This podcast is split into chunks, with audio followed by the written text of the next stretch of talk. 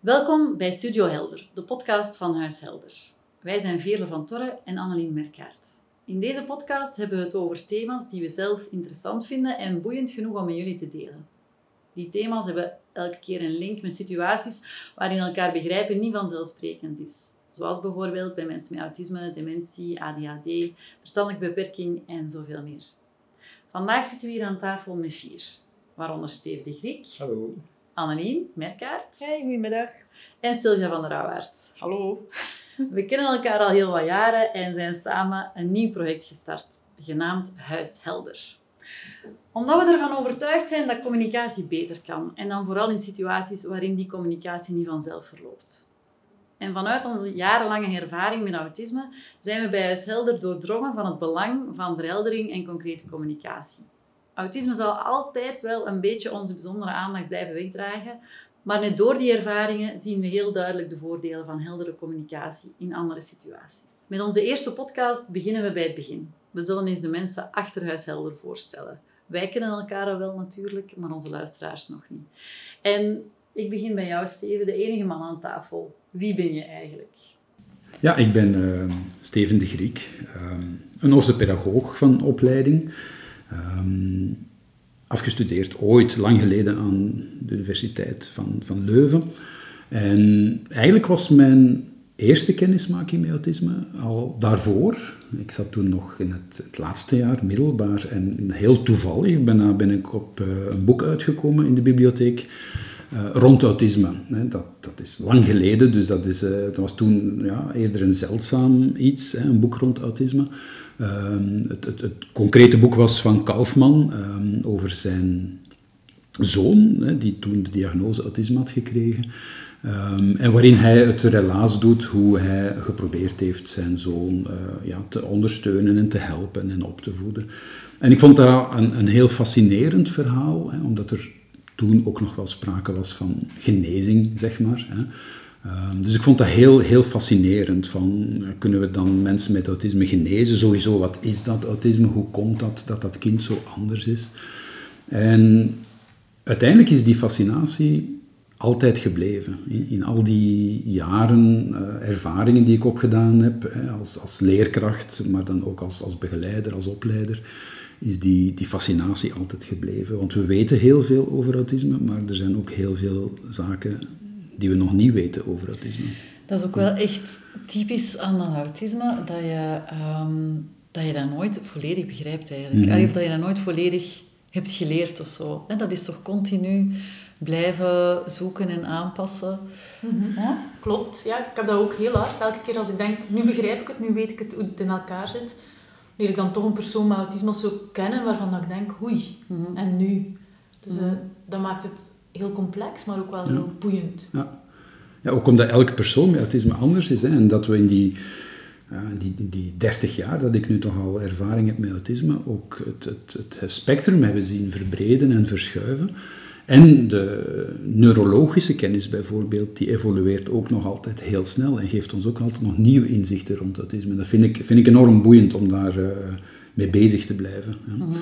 Nu, mijn, ervaringen met autisme, die zijn begonnen, eh, mijn echte, eerste concrete praktische ervaringen, eh, dus tijdens mijn studies, eh, orthopedagogiek, als stage dan in eerste instantie, in een woonvoorziening voor mensen met autisme.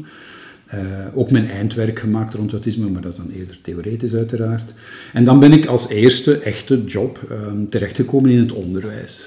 Dat was eh, toen de tijd in New York, hè, eh, omdat men daar toch al iets meer bezig was met autisme dan, dan in Vlaanderen. En daar ben ik dus in een, wat men noemde, public school eh, terechtgekomen, eh, waar ze dan een afdeling hadden voor kinderen met autisme. En Steven, was het dan met verstandelijk beperkte kinderen of niet? Dat was eigenlijk eh, van verstandelijk beperkte tot normaal begaafde. Hè. Nog niet de, de echt normaal begaafde mensen met autisme zoals we ze nu kennen. Hè. Dat was eerder dan toch nog licht verstandelijke beperking, maar dat was toen eerder uitzonderlijk ook nog wel. Hè. Toen was autisme vooral nog gelinkt aan verstandelijke beperking. Ja.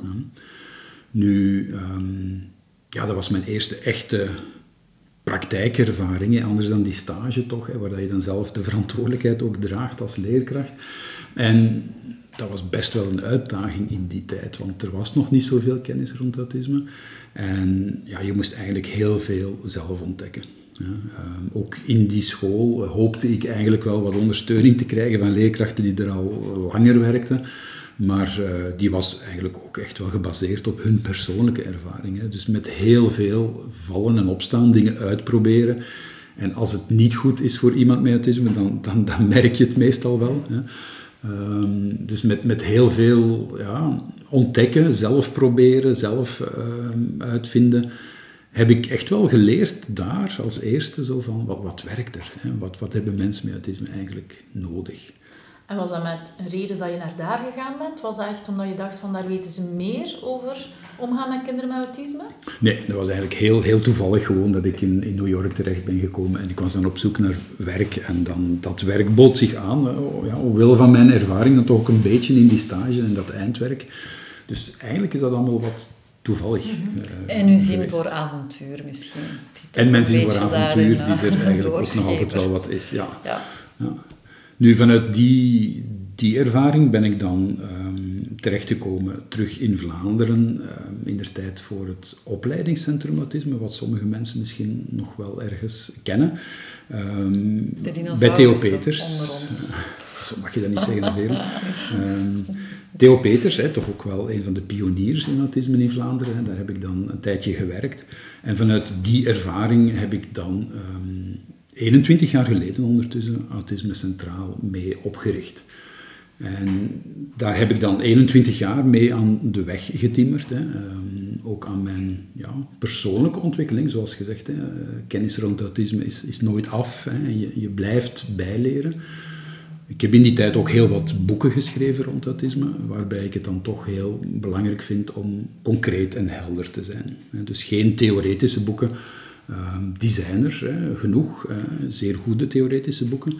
Maar ik merk toch in mijn opleidingen en begeleidingen dat mensen nood hebben aan concrete handvaten. Van wat, wat moet ik nu doen? Zeg mij eens wat ik, wat ik kan doen, wat ik moet doen, wat ik misschien niet moet doen. En daar probeer ik dan ook in mijn opleidingen toch altijd uh, oog voor te hebben. Ja, dat vind ik wel typerend aan jou. Dat jij uh, echt wel heel uh, praktisch denkt en uh, de theorie echt wel probeert te vertalen mm. naar wat kunnen we er nu echt mee doen op dit moment in de praktijk. Ja, um, ja dat blijft uiteindelijk het belangrijkste, vind ik. Ja. Hm? Mm okay. Zijn er dingen waar dat je meer mee aan de slag gaat? Hè? Want autisme is ruim, hè? zoals dat je daarnet mm -hmm. zei. De theorie is ruim, ook het concretiseren is ruim. Welke zijn de dingen die jou het meeste aanspreken daarin? Goh, ik heb in al die jaren eigenlijk altijd wel affiniteit gehad voor, voor mensen met autisme en een verstandelijke beperking. Omdat dat ja, mijn eerste werkervaringen waren. Hè, maar dat is gebleven. Hè, omdat je in die combinatie autisme en verstandelijke beperking word je echt wel uitgedaagd om zo eenvoudig mogelijk te zijn. Hè, omdat ja, door die verstandelijke beperking is, is er nog eens een beperking in de communicatie bovenop.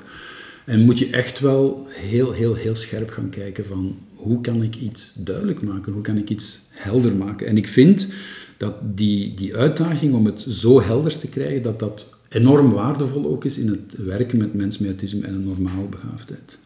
Dus dat is zeker iets dat gebleven is. En dan in de loop der jaren is mijn interesse voor alles wat te maken heeft zo met de sensorische kant, de zintuigelijke kant, de zintuigelijke moeilijkheden die mensen met autisme kunnen ervaren ja, dat die toch ook enorm, enorm gegroeid is. Hè. En dat is toch iets waar dat ook nog heel veel rond te ontdekken is, heel veel te leren is. En daar, daar ben ik nu volop mee bezig ook. En heel veel buiten het autisme ook. Hè? En je komt dat ook wel van. En inderdaad, iets dat, dat zeker niet alleen gekoppeld is aan autisme. Hè. Ook, ook mensen zonder autisme uh, komen daarmee uh, in contact. Ja. Mm -hmm. Stevie, jij hè, vertelt heel hard wat dat jou drijft in, binnen het uh, werken hè, rond autisme, rond kennisgeven. Maar daarnaast kan ik me voorstellen, hè, we kennen jou, hè, veel en ik kennen jou als iemand die met heel veel dingen bezig is.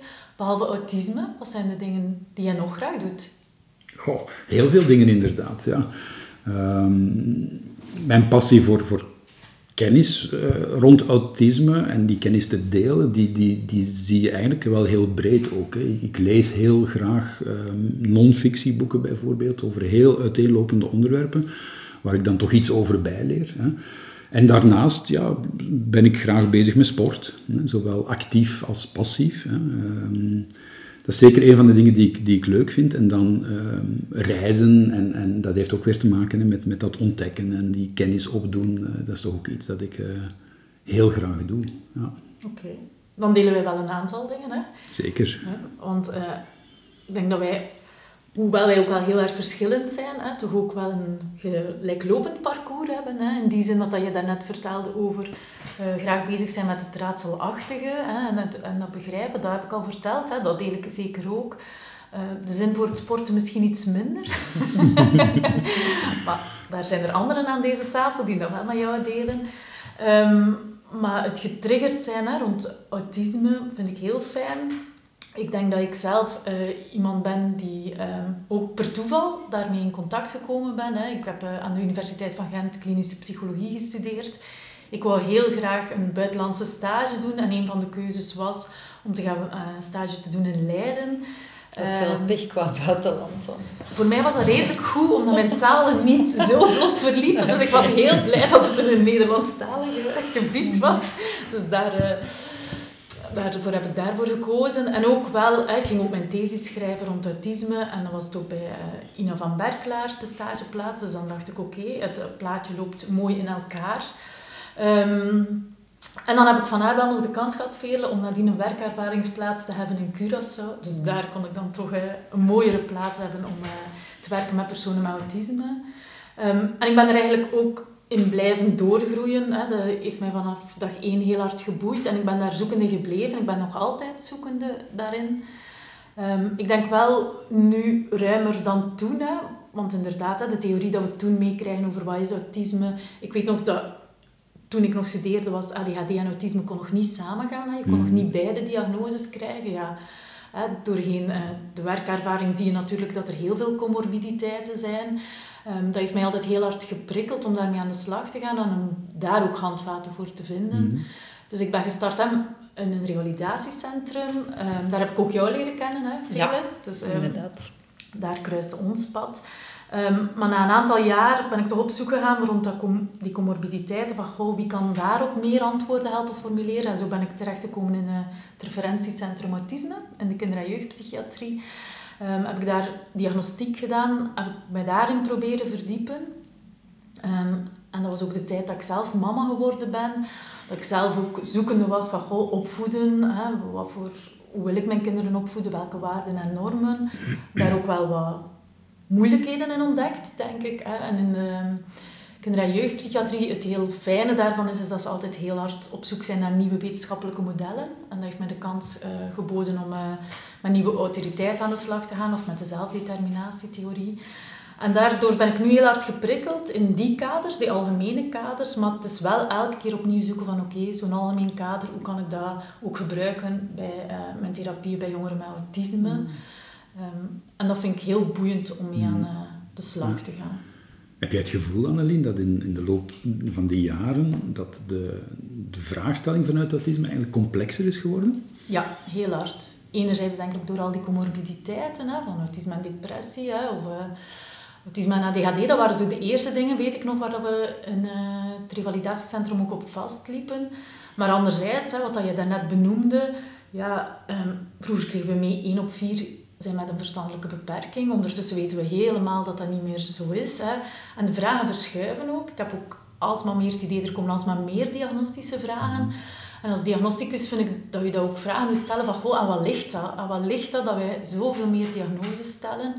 Uh, wat is het duidelijke beeld van autisme nog? Waarin trek je de grens? Is het hè, dat fenotypische beeld? Waar zit het stuk stoornis nog in? Hmm. Ik vind dat dat heel veel uitdagingen stelt. Misschien nog voor mijzelf meer dan vroeger. Omdat ik vroeger het idee had dat er meer handvaten waren en meer duidelijke richtlijnen. Heeft dat ook niet te maken met het feit dat onze maatschappij complexer is geworden? Ik denk het. Ik, ik zeg dat ook soms. Hè, van vroeger was het gemakkelijker allee, om iemand te zijn met autisme-kenmerken, omdat je ging op zaterdag in bad en de, de week lag vast en je had een duidelijk één hobby die je elke week op dezelfde manier deed. Dat zou kunnen, uh, maar er spelen natuurlijk ook veel meer andere mm. factoren in. En dat vind ik heel boeiend om daar ook samen met jullie elke keer over na te denken en te brainstormen. Uh, van oké, okay, welke wetenschappelijke evidentie hebben we voor die dingen? Ja. Ja. En dan vele, hè, wij, ons pad is elkaar wel blijven kruisen. Hè. Wij hebben elkaar um, leren kennen in het revalidatiecentrum, waarbij we al bij onze eerste job heel hard zoekende zijn van goh, autisme, hoe doen we dat? Hè? We waren toen wel in een team terechtgekomen die heel veel kennis had, hè? die altijd ook in een pilootproject gezeten hebben, hè? die vaak als eerste die informatie naar buiten brachten. Daarnaast zijn we ook goede vriendinnen mhm. geworden, waardoor dat we hier vandaag terugzitten, mhm. denk ik. Maar ik ben ook wel eens benieuwd om van jou vandaag te horen van, hoe is het voor jou allemaal gelopen? Ja, ik ben begonnen uh, lang geleden, ondertussen ook al als, uh, aan mijn studies logopedie aan de Universiteit van Gent. En ik weet nog heel goed dat ik dat echt heb gekozen met in mijn hoofd het, de, communicatiethema. Ik dacht echt, uh, ik ga dat doen om de communicatie tussen mensen te verbeteren.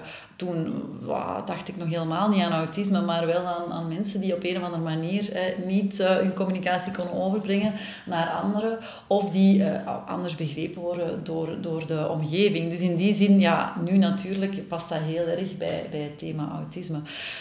maar um, dus als logopediste ben ik dan vrij snel, een van mijn eerste ervaringen was dan in het revalidatiecentrum waar we elkaar hebben leren kennen. En um, ja, zoals je zelf ook aangaf, heb ik wel het gevoel gehad om daar direct in een, uh, in een, een, bedje terecht gekomen te zijn. Hè, van um, kennis van autisme. Er werd op een doordachte manier mee omgegaan. En dat is dan ook mijn eerste ervaring geweest met autisme.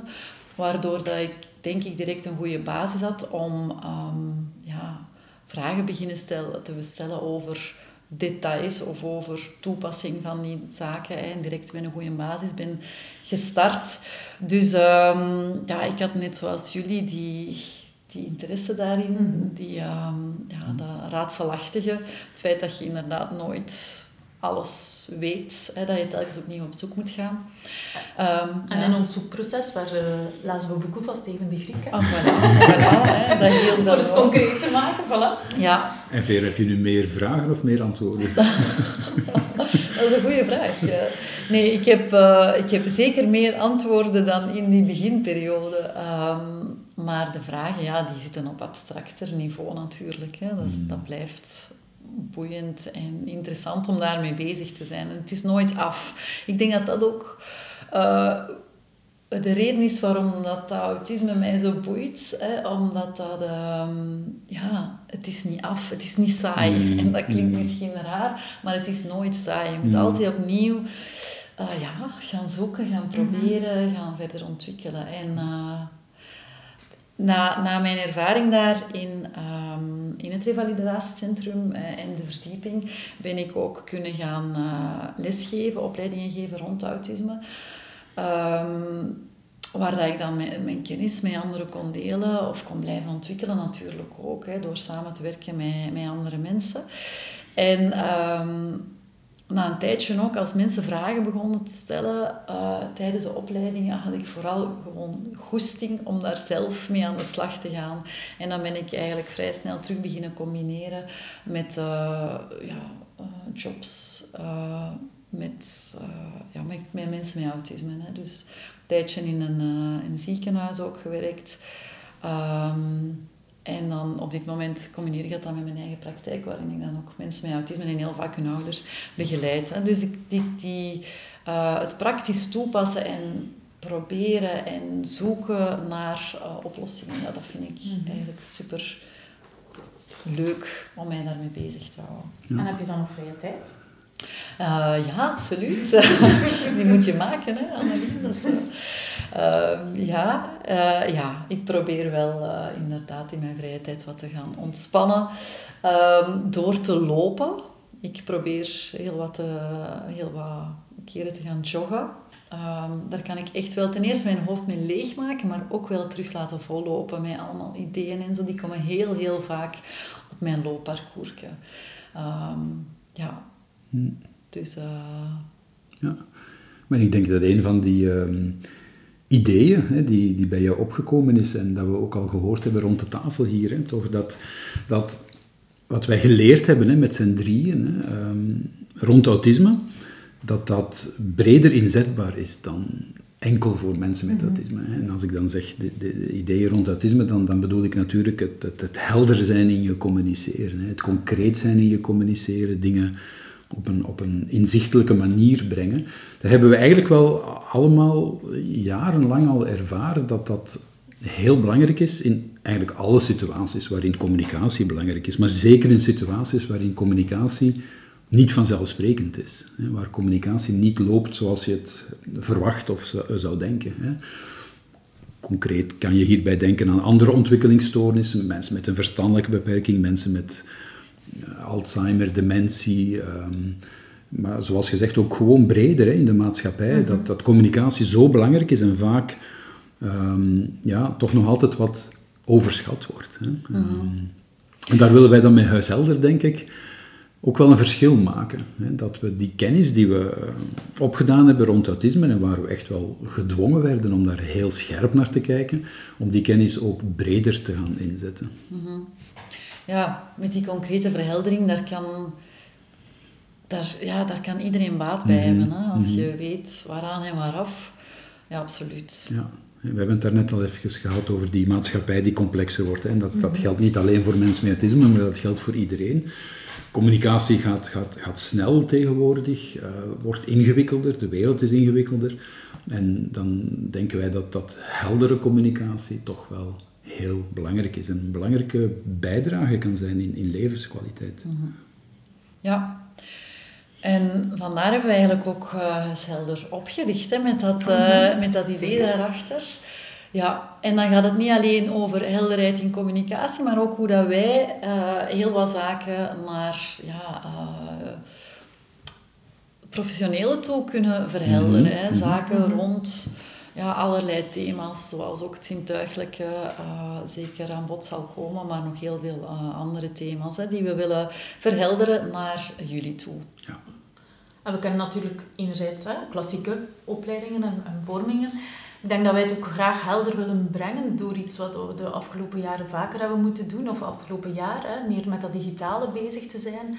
En ook daar willen we graag uh, over nadenken van hoe kunnen we um, onze kennis delen via die digitale weg en toch op een heldere manier, hè, waarop dingen kunnen samenkomen. Hè. Kan je enerzijds toch iets in een digitaal leerpakket uh, brengen, maar toch ook mensen de kans geven om uh, in interactie te gaan.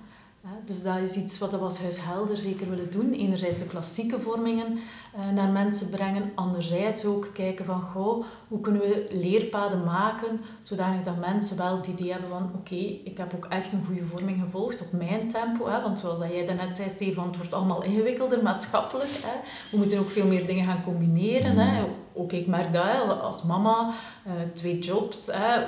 Toch nog wel wat hobby's willen, ook wel wat sociaal uh, leven willen van goh, voor mij is het misschien vaak gemakkelijk om te kunnen denken van ah, nu is mijn hoofd vrij, vandaag heb ik wel tijd om iets te doen of wil ik daar rond kennis verharen. En dat dat gewoon kan op een tempo uh, dat voor mij uh, goed voelt. En anderzijds zijn er misschien mensen die daar minder nood aan hebben. En ik denk dat we voor die mensen ook zeker nog altijd, of voor ruimere instellingen of instituten iets willen brengen. Hè? Ja, we gaan voor digitaal, we gaan voor live, maar ook vooral voor persoonlijk, denk ik. Hè? Zeker, ja. dat is belangrijk. Ja. ja. Nu, voor heel dat digitale verhaal hebben we ook wel wat technische ondersteuning nodig. En uh, daarvoor hebben wij Sylvia in huis. Sylvia was tot nu toe heel erg stil, hè, wat we niet altijd van jou gewoond zijn, Sylvia. Maar vertel eens, Sylvia, wat is jouw rol binnen Helder? Was inderdaad een beetje stiller, maar ja, jullie waren zo interessant aan het vertellen. Ik vond het zeer boeiend om het allemaal uh, te beluisteren. Ik heb dingen bijgeleerd over Steven en Veerle en ook over u, Annelie natuurlijk. Wat dat ik doe, ja, ik ben hier meer voor de ondersteunende taken, digitale ondersteuning voornamelijk.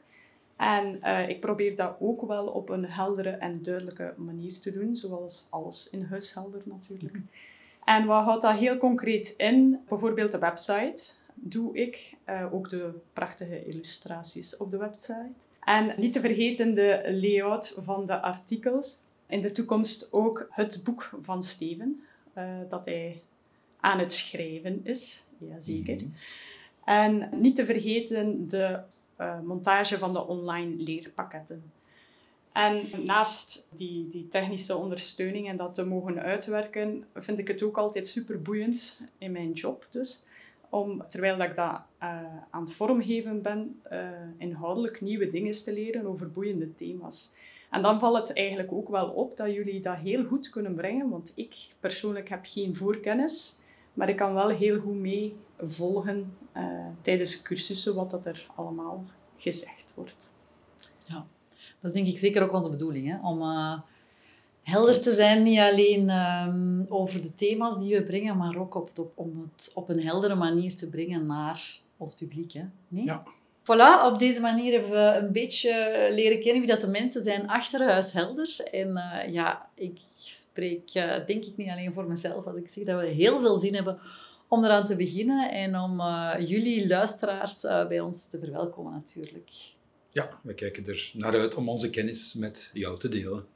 Zeker. En als er een vraag is, aarzel niet om ons te contacteren. We proberen jullie zeker een zo goed mogelijk antwoord te geven. Tot gauw. Dag. Doei.